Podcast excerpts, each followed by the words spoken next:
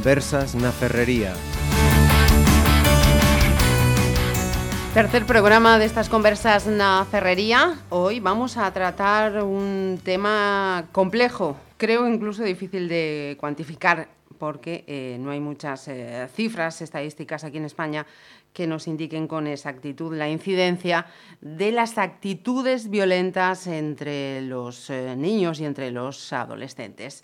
Me acompañan Julio Segura, que es profesor del Colegio Sagrado Corazón, miembro de la Comisión de Convivencia y dinamizador de los programas de mediación escolar y tutoría entre iguales de este centro educativo de Pontevedra. Eh, John Ojeda, que es eh, psicóloga, y Miguel Ángel eh, Sánchez, eh, que es vicepresidente de la FAMPA. Bienvenido también. Pues, eh, como decía, para comenzar, si os parece, eh, la violencia se entiende como una conducta social aprendida. Por tanto, el niño, el adolescente, sobre todo el niño, iría absorbiendo este tipo de, de conductas de, de, su entorno que luego puede desarrollar o puede no, no, desarrollar. Y ahí, para comenzar, plantearía la primera pregunta. ¿Seríamos entonces todos de alguna manera responsables de, de esas conductas de, de, los niños y posteriormente de los adolescentes? Con lo cual, estamos tratando un problema que a todos nos incumbe y del que de alguna manera todos somos responsables, ¿no? Sí, efectivamente, somos responsables porque eh, una parte muy importante del aprendizaje que hacemos desde muy pequeñitos y pequeñitas es precisamente los modelos que tenemos de referencia. Entonces, cuando esos modelos no son los modelos adecuados, eh, estamos absorbiendo un aprendizaje, una forma de comportarnos y de, resolver conflictos. Entonces, eso, esos primeros modelos eh, familiares son importantísimos. Después vamos teniendo otros modelos en medios de comunicación, en, en, otros entornos, de, de, otros familiares, de amigos, de amigas, pero los inicios son fundamentales. Mm. Y ahí la primera pata, por lo tanto, es la más próxima, ¿no? El entorno familiar, vamos a decir, de, de, de los más eh, pequeños. Claro, el, ese, ese, entorno, eh, ese primer entorno familiar en el que a veces, bueno, pues hay niños, niñas que están expuestos a, a, situaciones de violencia, que observan esas situaciones de violencia y a veces lo que adquieren y lo que absorben es que eh, para defenderse y para que eso no les pase cuando sean mayores tienen que comportarse de forma agresiva como una forma de defensa. Bueno, eso uh -huh. podría ser una, una parte, ¿no? Hay otras muchas eh, causas, evidentemente. Citabas eh, los medios de comunicación que también eh, tenemos nuestra cuota de responsabilidad, vamos a decirlo ahí, sobre todo a la hora de, difundir y generar de alguna manera pues, una opinión entre la sociedad. Si os parece, mm, para situarnos y conocer también qué es lo que opinan los ciudadanos, Vamos a escuchar una serie de encuestas que nuestra compañera Carolina Uceta ha realizado en la calle. ¿Considera que la carga de violencia de los jóvenes actualmente es menor que hace unos años? La violencia física yo creo que es menor, pero sí que es cierto que a través de las redes sociales y eh, pues eso, a lo mejor el, la forma verbal pues sí ha crecido, sobre todo entre los preadolescentes. Sí xa das pinturas, xa destrozos varios. Sí, de las dos, psicológica y lo que es, ¿no? Mm, de discusión así que lo cogen, vamos. Yo diría que más que violencia, mala educación. Eso que sí, porque antes, vamos, hombre, siempre todo, pero non hai esta violencia que agora. Pois Pues la verdad no sé decirte. Pero yo creo que más o menos un poco más puede ser por la influencia de, la televisión, de las series, qué sé yo, los juegos, pero no sé, no sé exactamente. Pues quizás se ve más, pero yo creo que la violencia estuvo siempre ahí. Quizá los adolescentes más ahora que Pues yo creo que en parte sí, en parte puede que tengan un poco más de, carga de violencia, pues a lo mejor, pues, no sé, muchos, muchos videojuegos, ¿no? Los que juegan los niños. Pues a lo mejor hace unos años, pues los juegos eran más... que tenían menos carga de violencia, a lo mejor eran juegos más, más suaves, más... Y en cambio hoy en día, pues un poco la sensación que da es como que hay esa tendencia de que, los, de que los niños ya desde muy pequeños ya empiezan a tener como más ganas de jugar a los juegos de mayores. Y los juegos de mayores que tienen pues esa, esa carga de violencia. Yo creo que es la misma, pero se nota más, porque por lo menos se dieron cuenta de que había.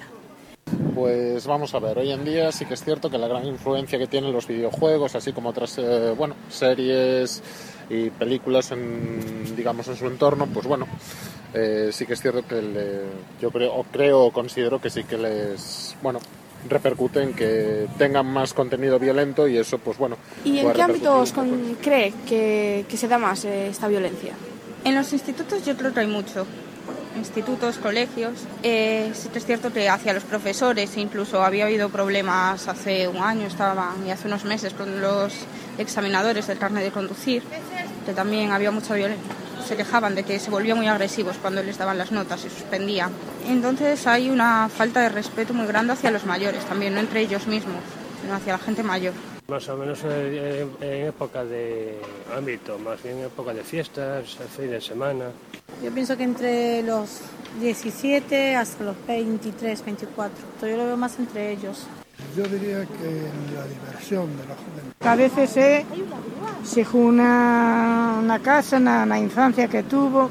Sobre todo eh, en familias desestructuradas, que tienen problemas. O...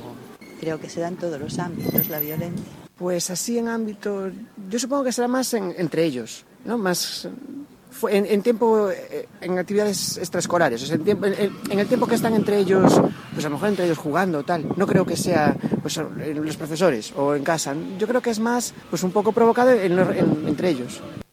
No, yo creo que es en algún ámbito completo, no ámbito, sino algunos en concreto.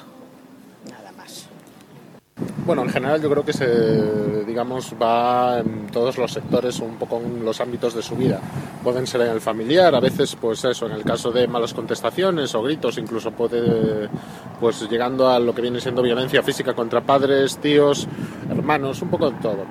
Eh, por otra parte, yo creo que sí que es cierto que hoy en torno el, bueno, el entorno, pues eso, en el educativo, en el cuanto a colegio, pues también se puede transmitir en cuanto a contestaciones un poco más agresivas o incluso llegando pues a, también a violencia física con lo que vienen siendo profesores o incluso compañeros del centro, pues provocando lo que o el fenómeno este más conocido como bullying, eh, digamos que bueno en ese sentido. Y por otra parte, pues también es cierto que eso pues, también se puede trasladar al entorno deportivo. Pues eso, si están en actividades deportivas, pues o contra los mismos compañeros del equipo, no siempre es así, pero bueno, y si no contra los eh, jugadores rivales, en los que sí que es cierto que eh, se ve que cada vez, pues imitando ciertas conductas, pues de lo que ven un poco en la televisión, eh, sí que lo trasladan, pues con entradas más agresivas, insultos, ese tipo de cosas. Pues en la opinión en la calle lo que parece evidenciar es una unanimidad casi, ¿no? En que sí que aprecian un mayor grado de, de, violencia entre los, entre los más pequeños. Sí, yo creo que como no podría ser de otra manera, la violencia existe en la sociedad, eh, siempre ha existido y probablemente pues eh, exista en el futuro. Lo que tenemos que hacer es pues, situar la, el problema desde el punto de vista de que hay que mejorar eh, lo que podamos en, este tipo de situación. Eh, ¿Qué podemos hacer desde los distintos ámbitos? En, en el ámbito de la escuela, eh, lo que tenemos que hacer y lo que se está haciendo actualmente es enseñando una vía adecuada para resolver los conflictos de una forma negociada, de una forma participada por los alumnos, también enseñar a gestionar adecuadamente las emociones, ya desde la educación infantil, seguir durante las enseñanzas de primaria, educación secundaria obligatoria, bachillerato, formación profesional. Eh, aquí sí que necesitamos eh, apoyo de las administraciones educativas. Cuando hay un fracaso escolar que también puede generar actitudes violentas, pues tener unos planes de apoyo adecuados, una, pues, bueno, pues un profesorado eh, formado y con horas suficientes para atender a sus alumnos, trabajar también lo que se llama la resiliencia, es decir, eh, la capacidad de, que una persona eh, aguante pues, una frustración, es decir, sea capaz de, aguantar eh, los problemas que, le van surgiendo en la vida y reponerse a ellos.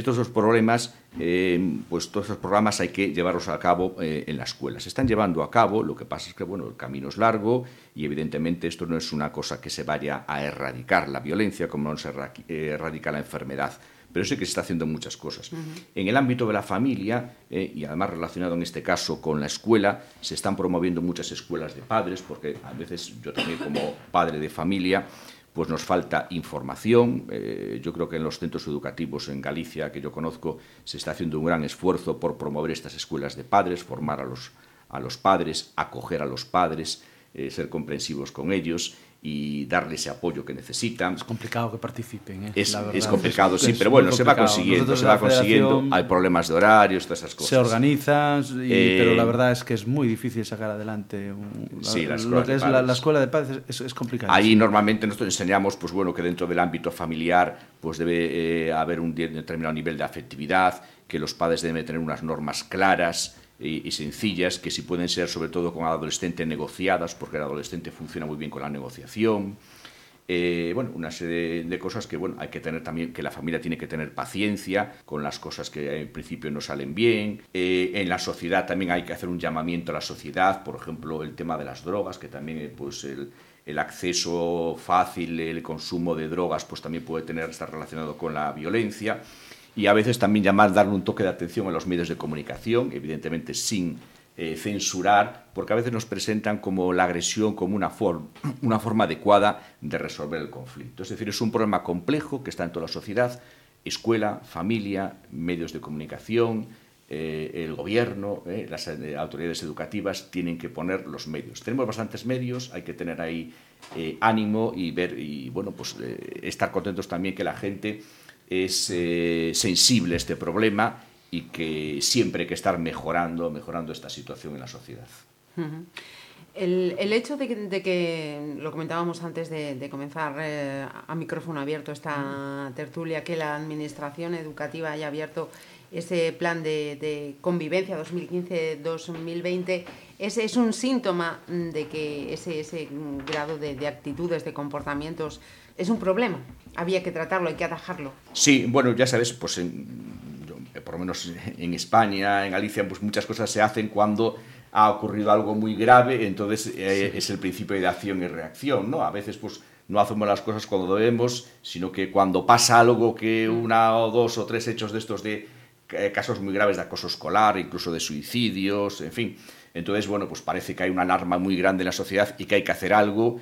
Eh, se estaba haciendo algo ya, pero bueno, mmm, se hace algo de una forma un poco más organizada, ¿no? Se le da más a bombo y platillo y bueno, pues no hay mal porque por mí no venga, en este caso. Lo que tenemos en Galicia es, desde el año 2011, una estrategia, estrategia galega de convivencia escolar. Esto empezó con un informe de diagnosis, se han realizado unos eh, 200.000 cuestionarios cubiertos a toda la comunidad educativa y se han tomado una serie de medidas. En el 2011 se renovó la ley de convivencia, es una ley muy rica con un montón de posibilidades.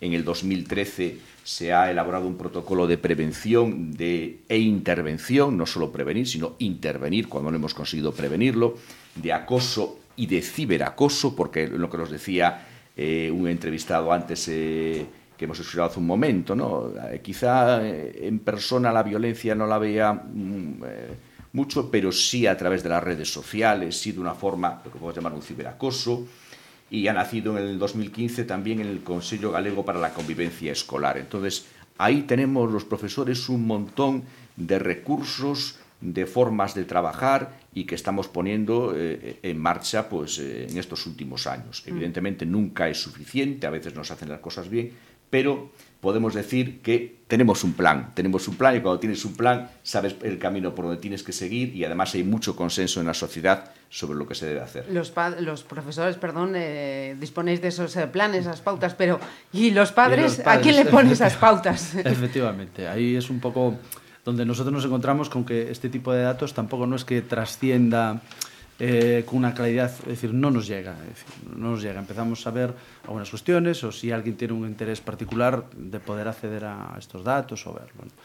Pero bueno, a nivel general, nosotros eh, como padres vamos viendo esto, vamos viendo esta problemática que hay en los centros a medida que realmente van surgiendo los casos. Es decir, cuando, mm, cuando me pase o cuando me pasa a mí como padre, cuando le pasa pues, a un amigo que, bueno, pues, a un amigo que su hijo tiene este problema.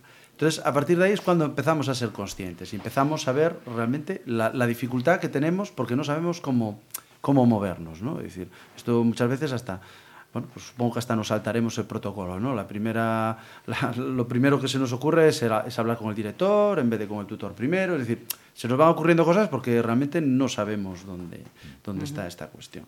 Eh, yo hasta cierto punto, es decir, mm, con lo que hablabas tú antes, es decir, relacionado al tema de que es una conducta, el tema de la violencia en los, en los centros de los niños, que es una conducta social y es aprendida. Bueno, hasta cierto punto estoy de acuerdo, porque también creo que esto, eh, que es, yo creo que es el problema más grave, que al final es condición humana. También, es decir, que hay un punto muy grande, es que, es que somos así. Es decir, y para mí este tema, y sobre todo cuando veo datos como que en segundo de primaria el índice de acoso escolar es, es vamos, sí, es un dato diez que veces más grande, cinco Consejo veces, de la Juventud, efectivamente, sí, mucho sí, más sí. grande que en segundo de la ESO. Es cuando yo, la verdad, como opinión personal, es decir, veo que los niños, eh, eh, para mí, cuando son más pequeños en primaria, que esto se da más, es es porque realmente están buscando su sitio. Yo creo que los niños, esto, esto del tema de la violencia, al fin y al cabo, también es un equilibrio de poder. ¿no? Es decir, los niños eh, van buscando su sitio, igual que lo buscan en el colegio, lo buscan en la calle, lo buscan sus amigos, lo buscan en casa. Es decir, este tema de, de, como violencia, aunque le llamamos de otra forma, supongo que tú sabrás más de esto, pero de forma intuitiva. Es decir, es decir este tipo de cosas pasan en casa. Es decir, cuando tienes varios hijos, este tipo de cosas pasan en casa. El que se porta mejor, el que se porta peor, el que provoca eh, eh, en el otro para que... Es decir, este tipo de cosas se ve, se ve en casa. Y no necesariamente...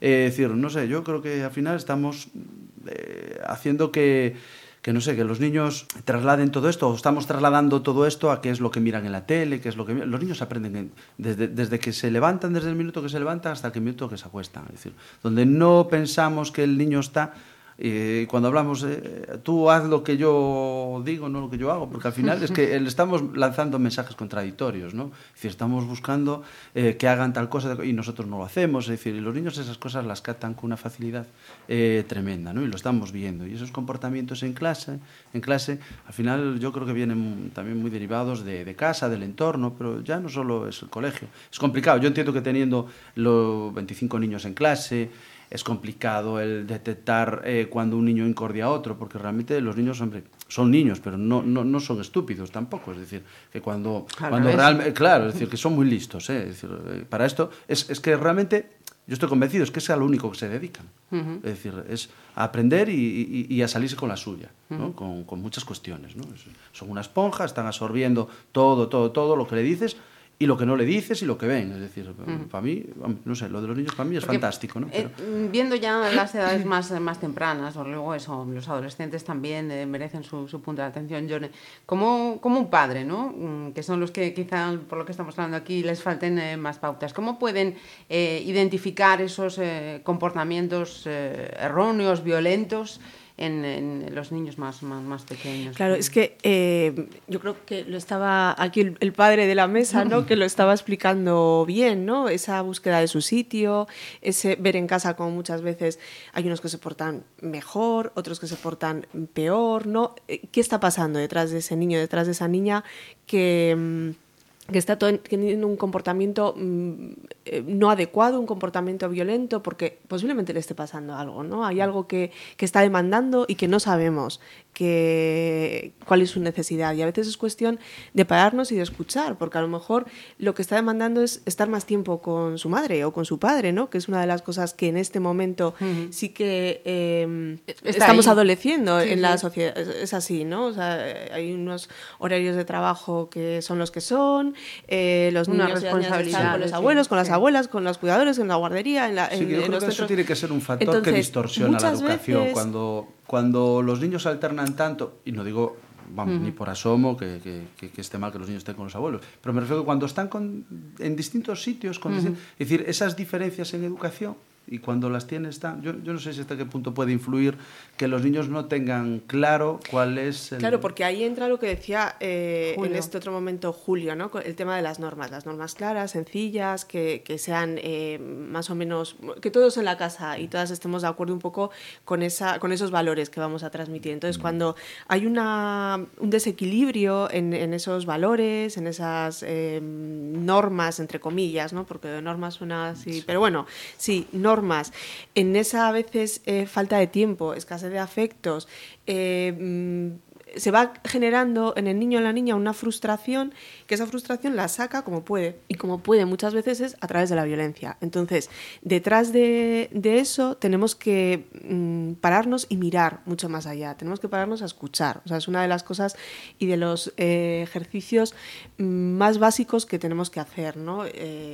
Que entraba dentro de esa inteligencia emocional y dentro de ese trabajo emocional que decía antes Julio, que es tan importante. ¿Qué ocurre? Que a veces eh, necesitamos empezar por nosotros como adultos a trabajar esa parte, Sí. porque es que no tenemos herramientas. No, No, no, es que la inteligencia emocional al final empieza por los padres. Es decir, ¿cómo- Claro. si no- si mal. Entonces, por los padres, por los profesores, por las madres, por educadores, por las personas que eh, están en ese entorno de ese niño y de esa niña, que van a ser modelos de referencia y que mm, van a tener un poco esas herramientas para darle las pautas.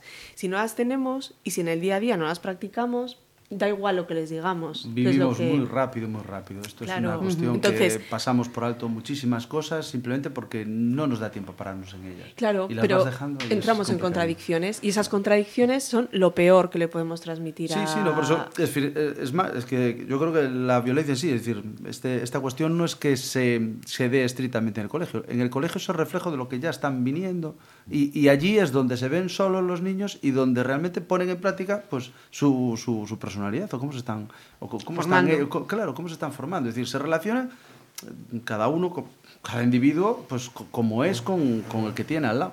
Pero es que esto yo creo que ya hasta cierto punto, es decir, el niño no se hace, no se hace violento, no presiona a los demás por, por el hecho de estar en un colegio, sino porque lo está viendo de otra forma.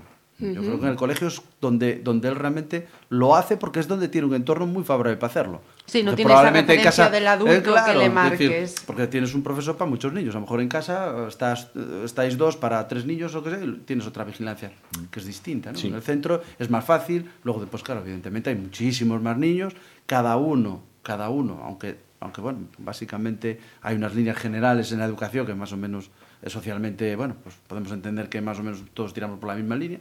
Pero es que luego después cada uno es hijo de su padre y su madre. Yo ahondaría un poquito uno. más en el tema que comentó Johnny de, de lo que, como no son, eh, no hay recetas milagrosas, pero bueno, algunas pautas de que se pueden seguir los padres en clase, eh, perdón, en, en- en casa, los valores que nosotros como padres queremos inculcar los debemos vivir en la familia.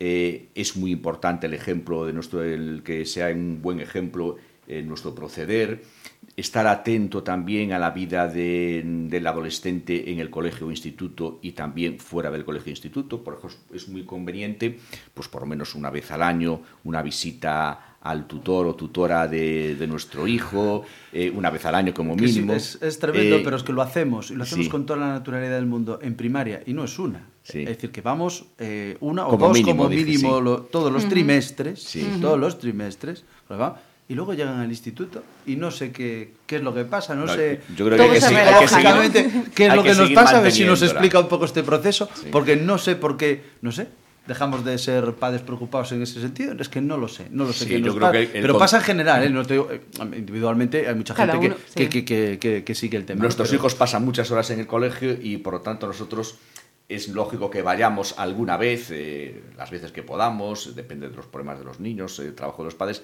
pero al colegio a conocer a la gente que está con nuestros hijos, a los educadores que están con nuestros hijos. Sí, sí, el pero bueno, ahora hay. salimos del trabajo, ¿eh? Es decir, Sí. pedimos en el Ujú. trabajo o salimos para ir a hablar con el tutor. Luego Sí, sí, sí, después sí. ya- E incluso el otro día he leído por ahí que hay eh, algún partido político que quiere hacer eh, una mayor conciliación en la vida familiar y que, bueno, pues eh, quiere, mm, unas cosas que decía ahí en la prensa, pues para visitar, pa- visitar los padres a los tutores, al colegio y tal, que era, iba por ahí un poco la conciliación. O sea que los políticos ya lo tienen ahí también. Bueno, estamos, poco estamos en época, vamos a decir que preelectoral. Sí, sí, vamos bueno, a cogerlo con pinzas. Luego también me interesa decir, pues comentar que aparte de que tener unas normas claras en la familia, el afecto, el afecto por nuestros hijos debe ser incondicional, que no implica eh, eh, el, el tener normas y saber decirles que no. Es importante que ya a una temprana edad a los hijos les sepamos decir que no, que también existe esa palabra, el no, pero eso no significa que no tengan un afecto incondicional. Y hablar con ellos de los temas, acompañar los temas que a nosotros nos parezcan importantes, aunque a veces es difícil, porque a veces nos, nos pasa incluso a los profesores que luego en tu aula, en tu clase, en tu tutoría, hablas de temas así un poquito elevados y luego con tus hijos te cuesta más hablarlos, ¿no? Pero bueno, son cosas que pasan. Es diferente. Eh, sí, es diferente. Eh, también es muy bueno el elogio cuando hace las cosas bien ¿eh? Y conversar, lo que decía antes Joan, escucharlos, escucharlos, una escucha activa y conversar con ellos sobre sus aficiones, sus problemas, etcétera, etcétera. No son recetas mágicas, son actitudes que yo creo que esto sí que hace que mmm, eh, por lo menos el bienestar en la familia aumente y, y, el problema de la violencia que pueda eh, generar eh, este, estar con sí, que ya está latente en la sea, sociedad pues inferior no o sea no es una receta que te cure pero bueno eh, son pautas que yo creo que influyen mucho sí pero es que de ahí es donde sorprenden los datos que, que, que, que este tema de la violencia sea tenga una mayor incidencia en primaria con, con ese con, es decir que estamos, vamos, y que yo creo que somos todos conscientes de que no sé por qué, pero somos estamos más encima en, en el tema en primaria que, que, que en secundaria y estos datos son, son terribles. Es decir, sí. la incidencia es muchísimo para los mayor. que están escuchando al informe Cisneros Efectivamente, del Consejo es decir, de, de, Juventud. La verdad que da, da, da pánico leerlo, ¿no? Es decir, uh -huh. pero es que al final la mitad de los niños son acosadores, claro, y la otra mitad son acosados. Es decir, que al final tenemos un problema sí. con el 100% de los niños. El caso de este informe es que... que... dices es que eh, se detecta pues, más acoso escolar eh, a edades inferiores, en concreto cita segundo de primaria y lo compara con segundo de bachillerato. Yo eh, quizás sepa más del tema. Yo creo que también es un tema de que eh, cuando se está trabajando con los en primaria se empieza a esas edades a trabajar las habilidades sociales. Las habilidades sociales todavía ahí no las adquieren con tanta eh, facilidad como cuando están, son más adultos, están en la ESO y en el bachillerato, ¿no? Es difícil hacerles entender, por ejemplo, el tema de la empatía, ponerse en el lugar de los otros. Quizá su cerebro todavía no está muy desarrollado para ser empáticos, ¿no? Y, y, ocurre eso de lo que eso decías tú. es muy complicado. La lucha, porque eso no la creo lucha que haya por cada, cada, uno tener su lugar. Eso es una lucha de poder, pero es que eso Sí. lo ves en casa también y, lo ves entre papá y mamá. Es decir, el tema de la empatía es muy complicado. Es decir, Por eso, es muy realmente complicado. las peleas no están por, por ponerte en el sitio del otro, sino por hacer y por, y por tener razón uno. Claro, es que, es que la cuestión es, es complicadísimo. Y El sobre todo porque, porque Sí, además yo creo que eh, estamos en una sociedad que nos ha marcado y nos sigue marcando ¿no? mucho la cultura de la, de la competición.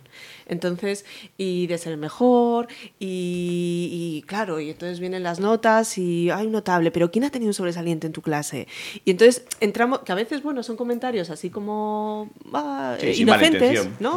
Que parece que no, pero están creando y crean esa cultura de la competición, con lo cual ya entramos en rivalidades y si entramos en rivalidades, a veces los conflictos aumentan muchísimas veces por ese tipo de cuestiones, cuando realmente, bueno, pues la base de todo tendría que ser eh, otro espíritu, que sería eh, el colaborativo, ¿no? Es decir, eh, si todos colaboramos y todos ponemos de nuestra parte, vamos a, te- a obtener unos resultados muchísimo mejor y, y- y todos vamos a salir y todas vamos a salir ganando. Entonces, en ese punto, creo que también es algo en lo que debemos incidir mucho desde, desde casa y desde la educación, porque al Sí, final... es que realmente a los niños le- eh, es que es increíble, pero es que a los niños en general le pedimos que aprueben, no que aprendan. Es que es, que es, es una Sí, cosa terrible. sí, sí, y eso tenemos la culpa Y en todos. eso tenemos la culpa todos. Una a mí las- me parece, pero realmente escandaloso. ¿eh? Hay veces que hasta me encuentro escuchándome con ese tema, ¿no? Es decir, que no puede ser. Es decir, coño, los niños tienen que aprender.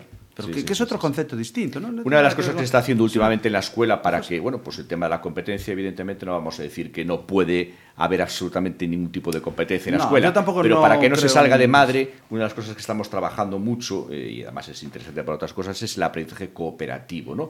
Los niños ya desde educación infantil, no en todos los centros, pero bueno, ya hay bastantes centros que se están incorporando, ¿no? Desde educación infantil se les enseña a cooperar y hay programas, por ejemplo, uno muy conocido que se llama Cooperar a para aprender aprender a cooperar. Primero se les enseña, se les eh, aprenden a cooperar entre ellos y luego utilizan la cooperación para aprender en determinados momentos. No están siempre todos los días de clase trabajando de esa manera. Es una forma de que vean otro tipo de aprendizaje, no solo el competitivo, sino que también Bueno, trabajan en grupos. el cooperativo. Pero bueno, al final regalará bueno, la competencia entre los grupos. Es decir, aunque No, es porque decir, cuando lo que hay- estás haciendo dentro del cuando- grupo, es decir, que colaboren, al final los estás enfrentando al grupo. No, porque eso está preparado. quiero decir, no Bueno, es, me imagino, no porque- es un trabajo de equipo es- normal y corriente, sino que es un trabajo eh, enfocado a la cooperación entre todos en el aula, ¿no? Eh, entonces, bueno, hay una serie de técnicas, métodos, programas que se, vienen, eh, se han trabajado en la universidad, están llegando a la educación primaria y secundaria. Entonces, claro, está pautado, no es así de cualquier manera, sino que se busca eso, que cooperen sin Ya. eliminar por completo la competitividad natural que también pues, eh, puede interesar. Pero ¿no? es que la sociedad es que es complicadísimo porque eh, Claro, es claro. una dicotomía terrible porque le estamos le estamos dando conceptos totalmente opuestos. Por un lado decimos sí, colabora y tal, pero es que al final se le premia al que destaquen, es decir, se, se les incentiva a que, a que destaquen, es que es, es tremendo. Pero yo no te digo como padre, ¿eh? sino la sociedad. Es decir, si no eres el mejor cuando salgas de la facultad X, no vas a trabajar. Es decir, y si no eres tal o si no estás en este rango, olvídate que no Y vas a luego estar. viene la Y- frustración Y claro, y luego pues viene genera- la frustración, que me parece una, una, una cosa terrible. Es decir, y por encima, el caso de este chaval que salió el otro día, que, que era biólogo, me parece que. bueno, el chico este que le dieron una beca en Estados Unidos ahora para una investigación y tal, parece ser que llevaba y que ya lo habían rechazado en en 10 universidades aquí. El hombre Sí. salía en un artículo, creo que fue un artículo. Creo que eso lo leído- arreglado, que vino en la prensa, creo que lo tiene arreglado, pero bueno, sí, Sí, hubo bueno, ahí- la cuestión hay es que el hombre ya decía que, bueno, que estaba desesperado, con 30 años, tío, licenciado en biología, estaba ya desesperado y que se iba a dedicar a otra cosa. Y dices tú, pero es que esto es increíble. Decir, De Ya no solo que lo fiche otra persona fuera, sino que, primero, que, que- que no consiga eh, un puesto de trabajo, que una licenciatura, la que sea, que llegue a un punto en que prácticamente no tenga valor, si al mismo tiempo no hablas inglés, si no hablas alemán, si no tienes más... Sí, les hemos generado unas llegamos a un expectativas de punto que yo creo que esto es... luego se- Es estamos- complicado, de todos modos, estamos son cosas con las que hay que convivir. Pensemos. Lo que era un éxito hace 40 años, Sí. Que era s- bueno, nuestra edad, o, o salir, o, o licenciarte en alguna cuestión, o lo que sea, que era un éxito absoluto dentro de la familia. Hoy día... No, es que- el mercado laboral ha cambiado. Es Bueno, yo esto cuestión- pensaba en el caso, en este caso, pues en el mundo empresarial. Es bueno que las, las empresas compitan entre sí, pero es que hay empresas que compiten unas con otras y eh, aparte se portan mal, pues puede haber espionaje industrial, intentan arrasar al competidor, eh, malos hábitos en, eh, yo que sé, eh, pues, eh, contaminación, etcétera, etcétera. Se puede ser competitivo, pero de una forma también un poquito sana, poniéndose unas normas, o sea, hasta aquí puedo llegar. Entonces es lo que se trata también de hacer un poco, ¿no? Porque eh, por esencia el ser humano, el Homo sapiens, pues bueno, pues tiene esa, eh, el, el instinto de supervivencia y eso le lleva a la competición, pero nosotros tenemos que saber moderarlo, llevarlo por un determinado camino, Sí, no bueno, podemos pero para eliminarlo eso, todo bueno, por supongo completo. que, que- que ella Claro, lo controla que mucho si- más, si pero esa para eso está... supervivencia eh, pasa por eh, es que te necesito para sobrevivir, eh, o sea, te necesito, ¿no? En el, en el buen sentido de la palabra, ¿no? Estoy pensando yo ahora en, en lo que decía Julio en cuanto a- al tema de la cooperación, ¿no? Que es eh, fundamental y es básico para transmitir ciertos valores y, y valores de convivencia Ujú. y, de, y de respeto y de, y de acompañar a la otra persona. Por ejemplo, en el juego de las sillas, ¿no? Ese que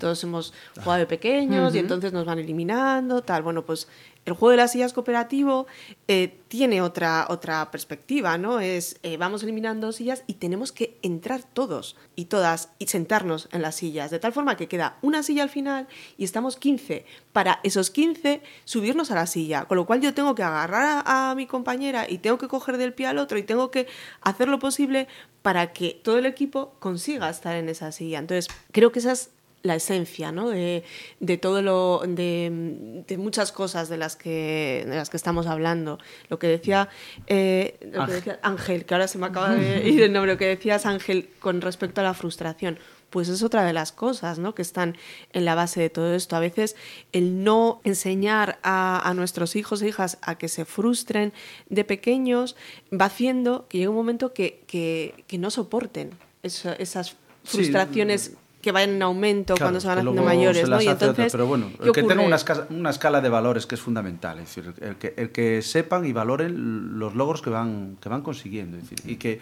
y que cada logro que vas haciendo te cuesta un trabajo. Es decir, Claro. Evidentemente tiene que haber un esfuerzo y ese esfuerzo Que tiene está un el premio. elogio que decía pero, Julio antes, Sí, ¿no? pero bueno, que luego Vale. después está, está reñido con lo que es la competencia, que luego, claro, es que el- separar esas dos cuestiones entre que tú premies a tu hijo por sacar unas notas buenas o muy buenas o excelentes, es decir, eh, que lo, lo estás haciendo competitivo también de forma Mm. indirecta, Sí. porque claro, le estás premiando. Tengo que premiarlo, hombre, yo creo que, que se le debe premiar porque ha hecho un trabajo y ha trabajado, bueno, pues saca unas buenas notas. Merece Claro, un pero- premio. pero- Pero, es que al mismo tiempo O que es... entiendo, mm, por lo menos en mi generación, ¿no? El, el sacar unas buenas notas o tener un buen rendimiento escolar, digamos que era tu obligación, ¿no? Mis padres trabajaban, tenían esa responsabilidad y mi responsabilidad era la de esforzarme y sacar Eso es a lo que hay que enseñar, efectivamente, en que eh, en los roles que tiene cada uno dentro de la familia, que supongo que ya eh, sabrá mucho menos de, pero eh, esos roles que tenemos cada uno dentro de la familia, pues papá hace unas cosas, mamá hace otras y tú como hijo pues tienes una serie de obligaciones también, que lo tuyo es estudiar,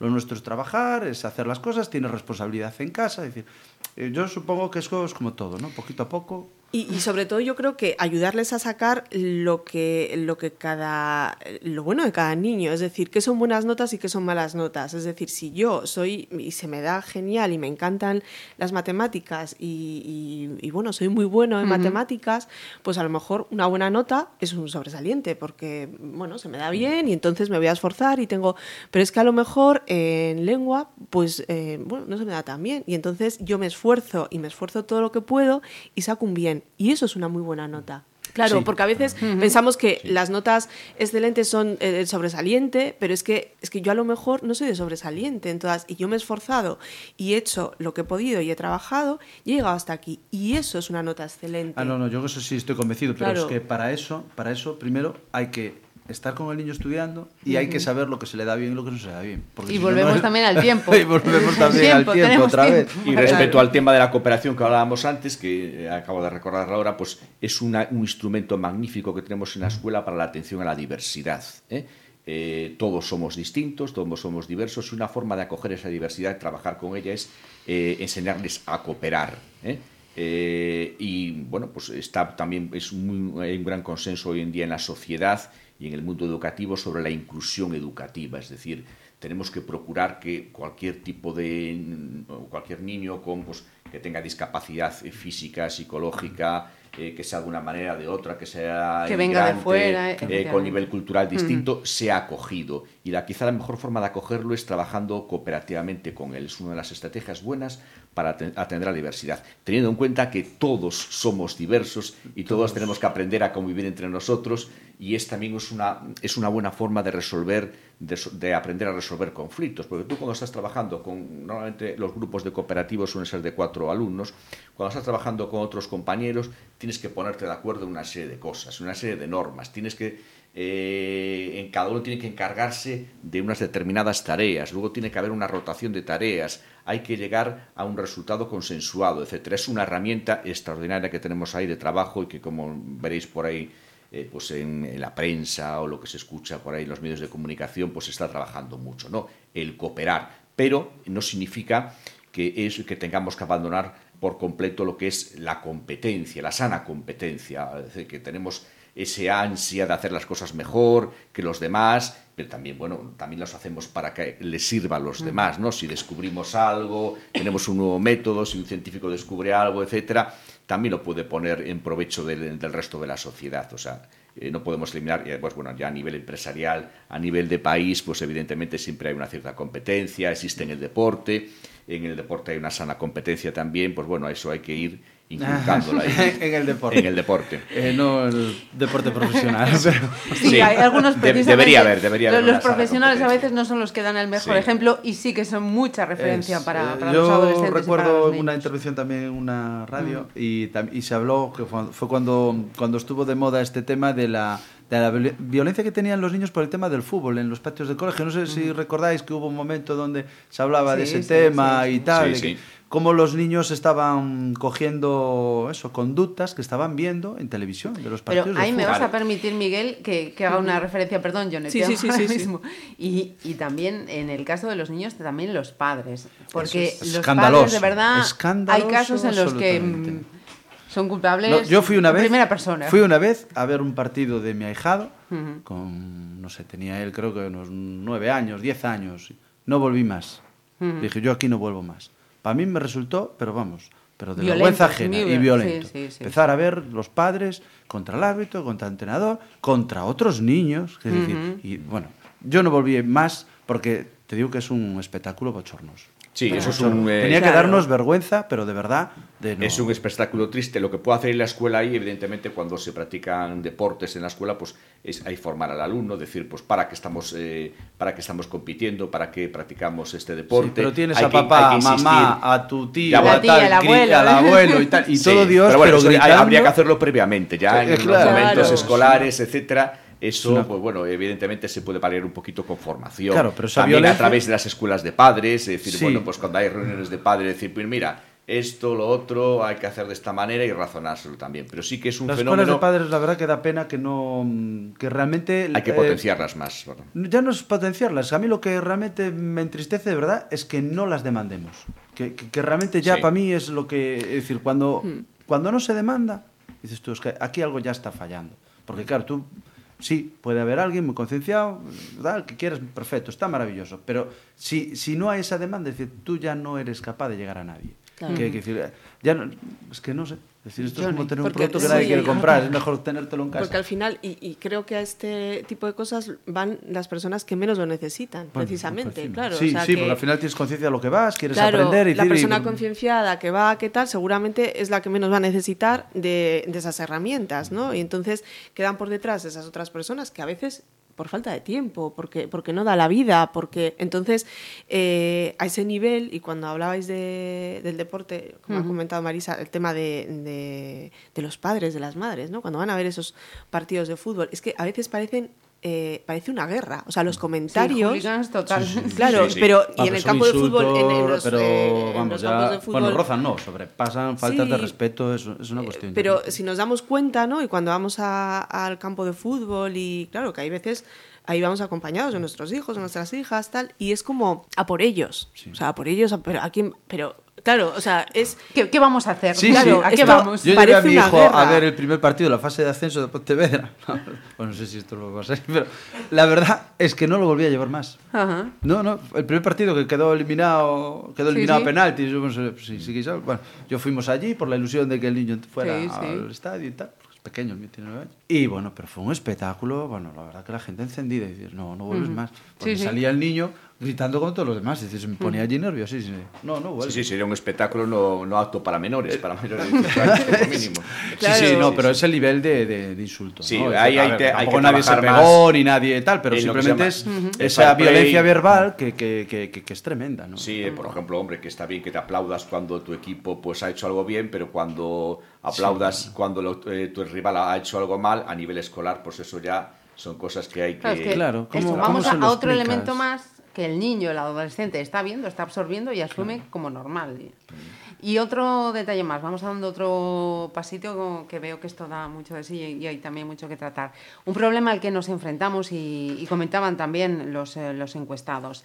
Eh, Internet, las redes, es eh, un problema en el que los niños son víctimas y son claro. responsables, las dos partes. ¿Cómo, ¿Cómo, actuamos ahí? ¿Cómo nos enfrentamos? Eh, ¿Los limitamos? ¿Hay un, que ejercer un control muy, muy férreo. ¿Cómo, cómo afrontamos esta situación? Claro, es que además las redes sociales es algo eh, muy rápido, ¿no? Entonces, eh, claro, es... es muy rápido, eh, son herramientas que, bueno, pues antes ni, ni nos imaginábamos. Entonces, eh, claro, se juega eh, con muchas cosas ¿no? que, eh, que, son muy peligrosas, ¿no? El, bueno, pues el falsificar eh, un nombre, eh, una cuenta, un tener. Entonces, creo que ahí sí que tenemos que dar una formación muy importante tanto a, los adolescentes como a los padres y madres ¿no? que están por detrás. Limitar muy mucho las, las amistades, eh, no aceptar a cualquiera, el tener, eh, no que tu vida no sea demasiado pública, cuantos más datos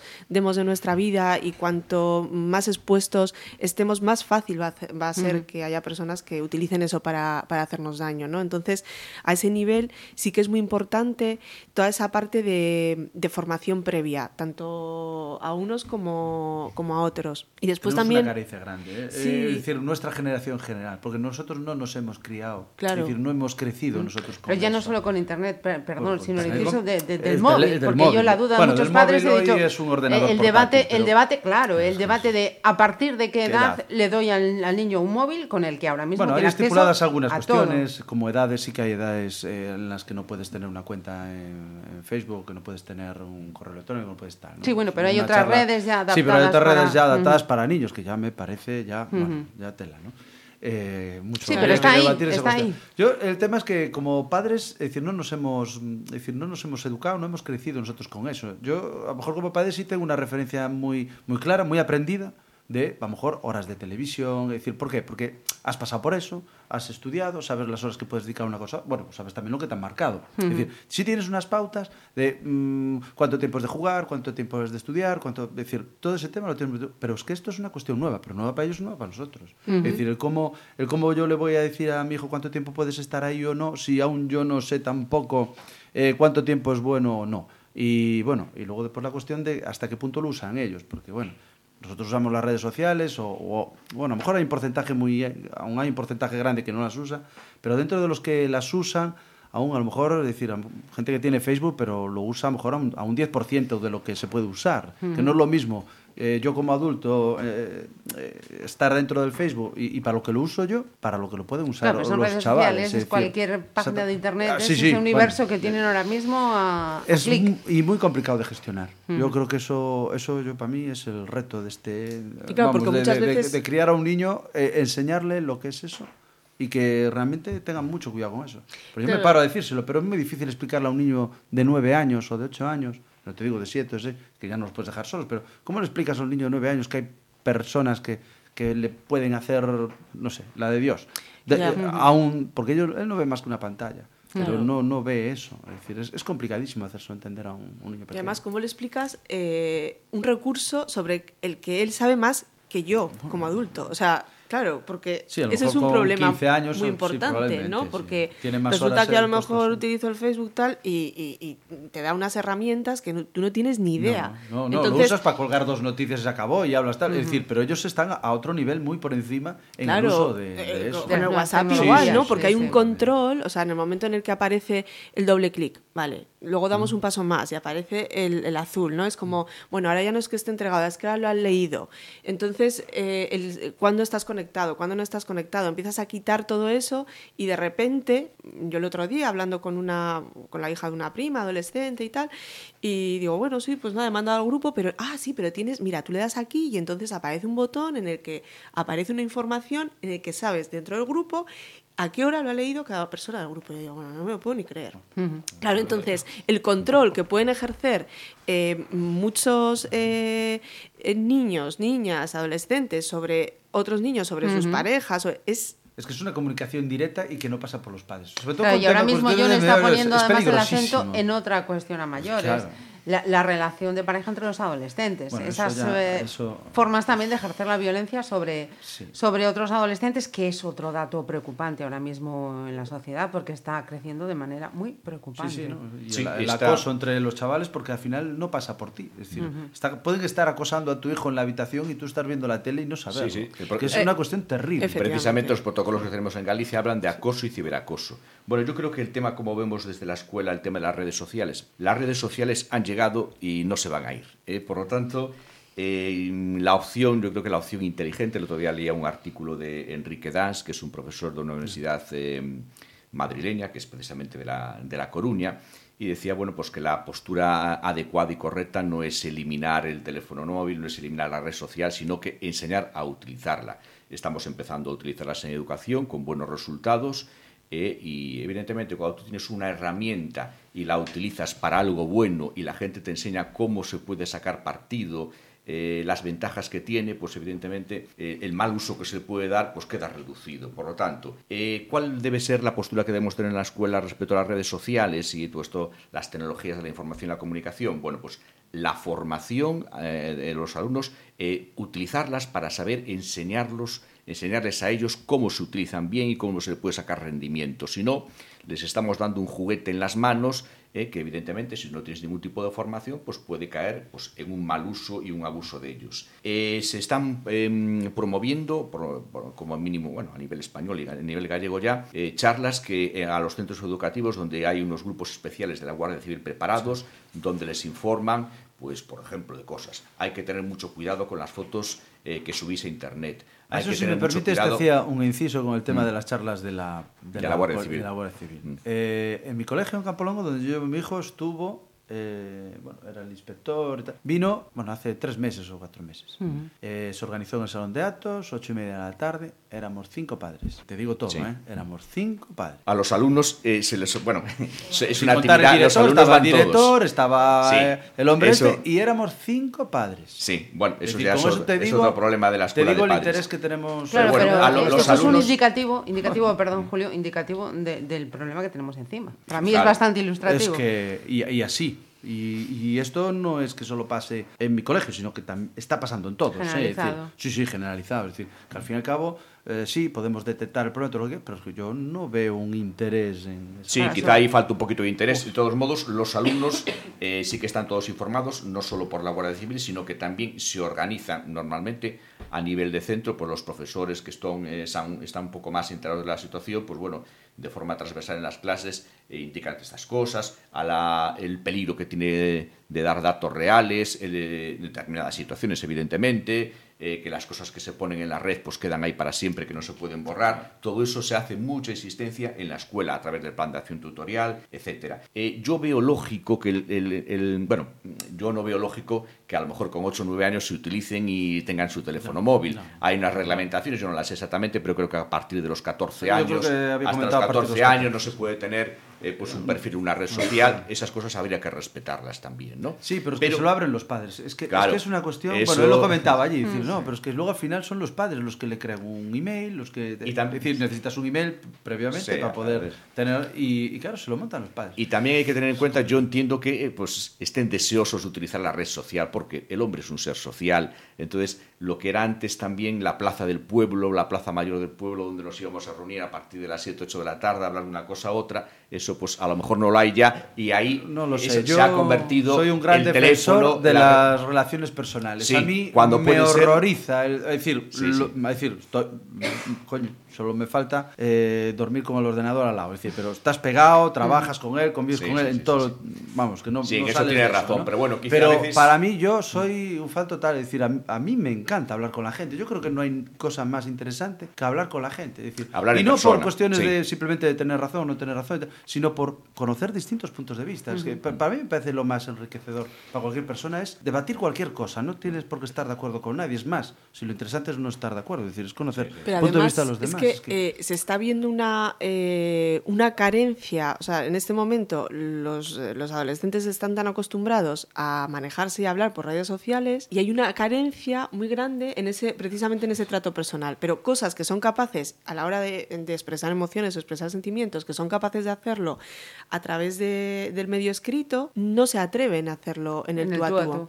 Entonces creo que hay un problema importante, ¿no? Porque sí que hay una necesidad fuerte de, de esa expresión de, de sentimientos, de emociones, de pero resulta que existe esa barrera personal, porque, no sé, yo, porque a hay mí una costumbre... Me cuesta muchísimo y cuando empiezo a, a escuchar el WhatsApp o el Telegram pitar, yo ya a la, a la segunda frase es que ya cojo el teléfono y llamo. Es decir, me horroriza, no soy capaz de estar. Claro, sí. Me pero parece para una los tan- chavales es, es, es total, Sí. es el día a día. Bueno, es yo el otro día a y la- y no, el niño no sale hoy, no, hoy no salen, hoy está todo el grupo jugando online, cada uno en su casa, y, decir, y, y las quedadas son así, es decir, me, Sí, sí. me parece tremendo. Sí, y lo sí. bonito que era, A recuerdo que veces llegar al viernes estábamos todos en el instituto y salir por ahí, hombre, de- hacías lo que hacías, ¿no? Pero vamos, salir por ahí, salir a pasear, es que era increíble, Sí. cuando la Un- zona vieja estaba llena de gente de arriba abajo, pero es que aquello... Yo creo que una de las cosas también que a veces eh, eh, me comentan los padres, bueno, ¿y cómo hago con mi hijo cuando está en internet? ¿Lo vigilo tal? Yo creo que es bueno estar con él también, pero sin estar un poco en plan policial, en plan- en- en un poco en plan de acompañamiento de vez en cuando,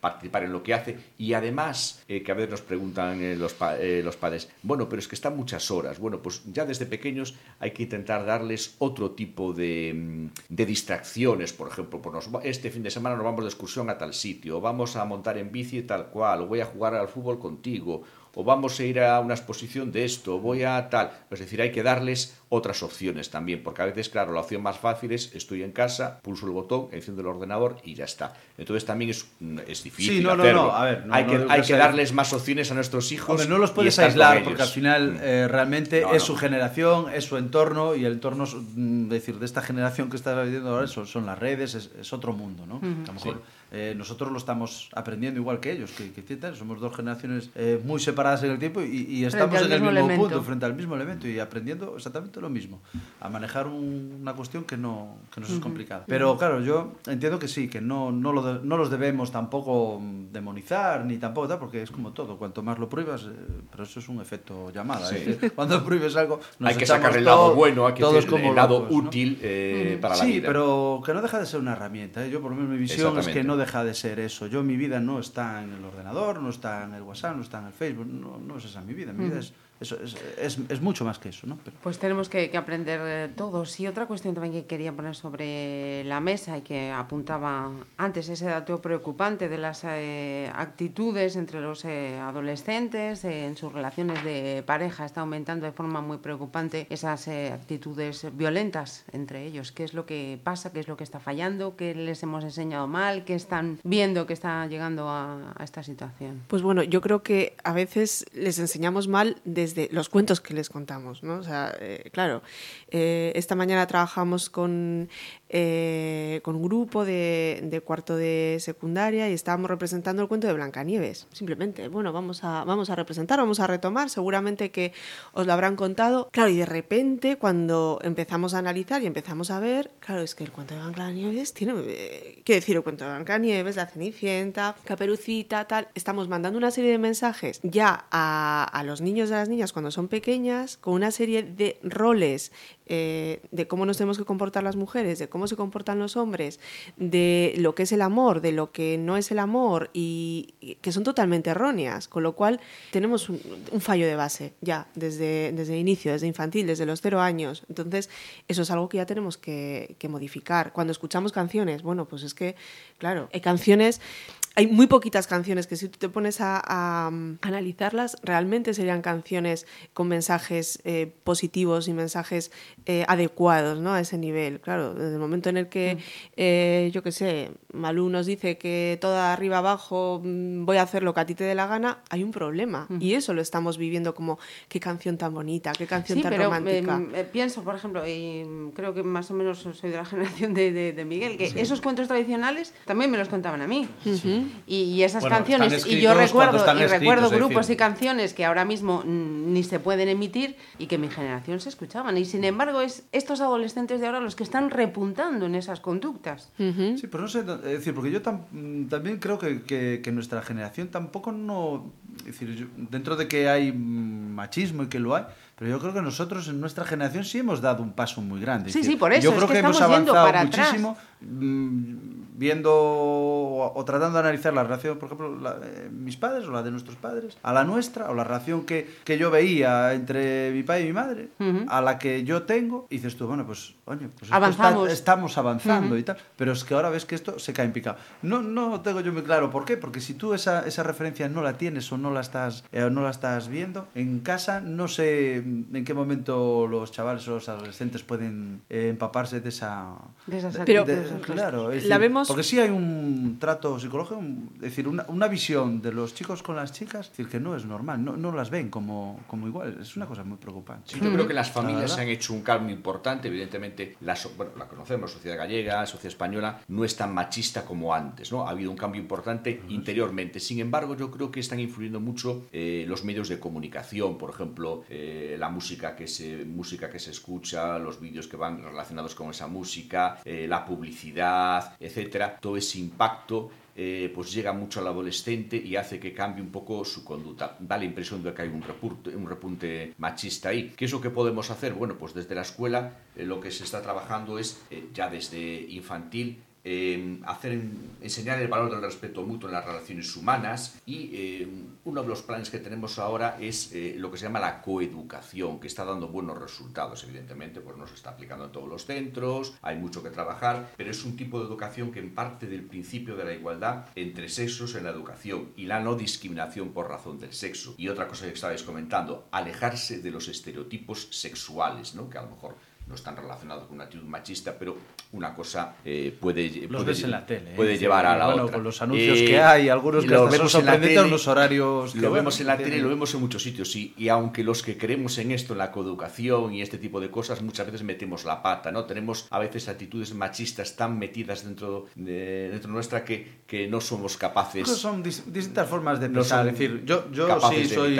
sí. vamos, evidentemente creo que, que, que los hombres y las mujeres tenemos que tener un, bueno, que nos complementamos en el sentido de que, Mm. que no puede ser- pero, pero sí somos distintos. Es decir, sí somos distintos. Es decir, yo creo que los hombres como tal, pues tenemos unas peculiaridades y las mujeres tienen otras, pero eso no Eso quiere- no hace ni más no ni ha- menos. No hace ni Mm. más ni menos. Es decir, la igualdad no está ahí en que podemos ser distintos, que lo somos, porque te- yo creo que tenemos procesos distintos y vemos las cosas de forma distinta, pero eso yo creo que es una cuestión innata. Pero vamos, sí, yo creo que eso es lo Sí, bonito bueno, también. eh, Es decir, que no, bueno, porque si, si todos somos iguales, la verdad que tampoco no tiene gracia esto. claro, pero, pero tenemos que tener igualdad de derechos. O sea, sí Eh, claro, es verdad, decir, somos eh, sí, diferentes, ¿no? Pero, pero somos diferentes tenemos, y tenemos que valorar eso que también y tener- respetarnos como tal. Que, que yo creo que el problema viene por ahí, una Y- falta sí. de, de, de- de- de respeto. Somos que- diferentes, pero no tan diferentes. Evidentemente, a nivel pues, sexual, a nivel hormonal, sí que somos diferentes, pero no. Claro, en actitudes, Eh, estamos hablando no- de actitudes Pero de, claro, pero a ver, estamos es decir, yo entiendo que eh, al mismo tiempo estamos construyendo una sociedad en la que todos nos no- mm, queremos desempeñar y tenemos unos roles iguales. Es decir, eh, socialmente eh, se puede desempeñar cualquier tipo de trabajo, seas hombre, seas mujer. Es decir, en eso somos comunidad. Eso es un buen camino y lo están, eh, yo creo que en ese sentido está bien. Independientemente de todos los problemas que hay, que si se paga más a hombres que a mujeres, toda esa cuestión. Pero realmente, es decir, sí hemos pasado a que, a que Claro, socialmente ese no hay- avance que ese avance que hemos dado, es muy grande. Hay ¿no? unas influencias que nos han venido desde fuera, desde luego ahora con la sociedad que tenemos, nos vienen, si antes nos venían, venían cinco, ahora nos vienen 500, ¿no? Bueno, Pero claro, yo lo que me to- pregunto es, ¿qué es lo que pasa si dábamos ese paso adelante en una generación y de repente en la siguiente es dando Y tres este para se- atrás? se viene para atrás. ¿Pero qué, qué, dónde está? Pero fijaos, yo creo que efectivamente sí que ha habido un avance, pero claro, nos queda mucho. Entonces, a veces vemos como, claro, es que parece que estamos retrocediendo. No, es que hay cosas que siguen estando ahí. O sea, que estaban, siguen Ujú. estando y que todavía están por trabajar y están eh, por ¿no? Entonces, yo tengo un bebé de, de nueve meses. A mí nadie me ha regalado, entre toda la ropa y multitud de ropa que me han regalado, nadie me ha regalado nada rosa, ¿no? Yo he sacado eh, mi maleta de muñecas que tenía eh, mi madre guardada, digo, bueno, pues sacamos eh, las muñecas, pues para qué. Ah, pero es que es niño, ¿cómo va a jugar con las muñecas? Quiero decir que hay cantidad de cosas que todavía no hemos superado y que parece, de alguna forma somos un, eh, un país un poco mm, Ikea, ¿no? Que, sí, Bueno, que es tenemos el- un diseño eh, muy bonito por fuera, pero en el momento en el que rascamos un poco... Salen las carencias. Claro, salen las carencias y esas carencias siguen estando. Seguimos eh, lanzando una serie de mensajes a nuestros hijos e hijas eh, determinados, nos da miedo y nos da miedo eh, regalar un carrito de coches a nuestro hijo chico porque no vaya a ser, no vaya a ser qué. Claro, mi pregunta Sí. es no vaya a ser qué. Entonces, es complicado el avanzar porque va, va muy despacio. De hecho, Sí. también hay que darse Es que cuenta lo que, muy, muy adquirido muy dentro. No, pero es que convivimos tres, cuatro generaciones al mismo tiempo. con lo también. cual es muy difícil eh, esa cuestión. Yo tengo a mi hijo, está yo, está mis padres, puede estar mis abuelos. Es decir, tienes una cantidad de generaciones y, y con una educación, vamos, eh, como la noche y el día de, de- en cada una de ellas. Con lo cual, realmente, el efecto de. El efecto, el que tú quieras ir con tu hijo de una manera, tienes un efecto de, de arrastre por detrás muy grande también. Porque, porque, bueno, porque es así. Porque, esto Claro, porque es te van mandando difícil. mensajes Te van mandando mensajes y, que- y los entornos son muy claro, distintos. no hagas esto porque claro, es que es un niño, es que ya, pero entonces eh, Y los niños lo ven, y donde tú a lo mejor le tal, luego pues viene otro y le dice, bueno, le quita la muñeca a la mano y dice, ah, tú juega con tal. Claro, y le seguimos cosas las hay, mandando mensajes de, ay, no llores, porque, porque claro, Los es que... no lloran, y un niño... Mira, el otro día, eh, hace unos días salió en la prensa, bueno, no es por criticar a ningún partido político, no falta decir ni qué partido político es, pero eh, un responsable de un partido político decía que, bueno, quería cambiar un poco la estructura del partido, decía en concreto, pues que quería que su partido tuviera una actitud más pausada, dialogante y feminizada respecto a la gestión de los conflictos. Es decir, eh, veías, seguías Menudo leyendo... adjetivo le meto. Eh, Sí, ¿Y, y qué significaba eso? Yo creo que esa persona pues, lo decía con el buen sentido, con, con buenas intenciones, una persona muy culta y muy preparada, pero como eso lo tenemos todos metidos ahí, ¿no? Entendía que como una gestión más feminizada, que era una gestión más suave, más dialogada, más pausada, es decir, el estereotipo sexual, ¿no? Eh, que decir que los hombres no lloramos, eh, que, que cuando tiene que ser algo más, pais- más pausado y más eh, desde un punto de vista sentimental tiene que ser una mujer, etcétera, lo tenemos muy metido. Evidentemente somos distintos, ya somos distintos a nivel hormonal, pero no somos tan distintos. Es decir, los hombres podemos jugar con muñecas, los hombres podemos llorar, las mujeres pueden conducir un autobús, etcétera, etcétera.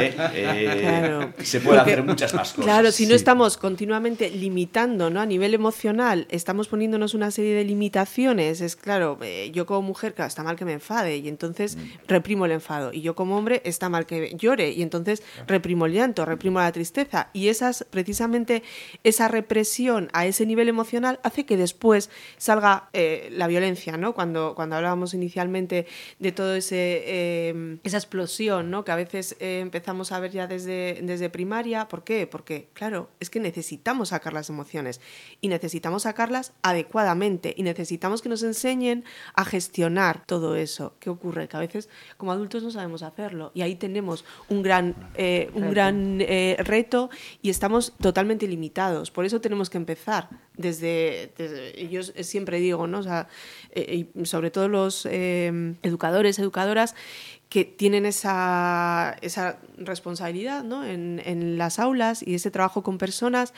que hay que tenemos que trabajar. O sea, todas las personas que trabajamos con personas necesitamos hacer un trabajo personal, necesitamos recolocar muchas cosas, porque si no estamos proyectando nuestros fantasmas, nuestras, nuestros miedos, nuestras, nuestros valores, ¿no? Que son los que al final nos van a Pero salir. lo hacemos, ¿eh? yo te digo que yo, claro, que esto lo vas viendo a medida que, mm, que el niño va, va pasando los años por él y vas viendo las distintas etapas y tal, y dices, pero que es alucinante. Yo, eh, con el niño con tres años, cuatro años, realmente es que no son conscientes, no ven diferencia entre niños y niñas, son todos exactamente iguales. Que los llevas a infantil y son todos exactamente iguales. No hay esa diferencia. Empieza a verlas luego después en primer, llegado a un curso, ya en segundo, tercero y tal. Pero yo creo que estos son proyecciones que nosotros le vamos lanzando a los niños, Pues ¿eh? porque ellos, Tenemos, te digo de verdad tenemos que no... mucho y nada sencillo el trabajo que nos queda por delante para ir cambiando y erradicando todas estas cuestiones que podríamos seguir hablando aquí en la tira. Súper interesante me ha parecido esta charla de hoy. Esperemos que hayamos eh, ayudado con las dudas de quienes nos estén escuchando, que hayamos podido aportar algún granito de, de arena. Julio, Ángel, Jone, muchísimas gracias por,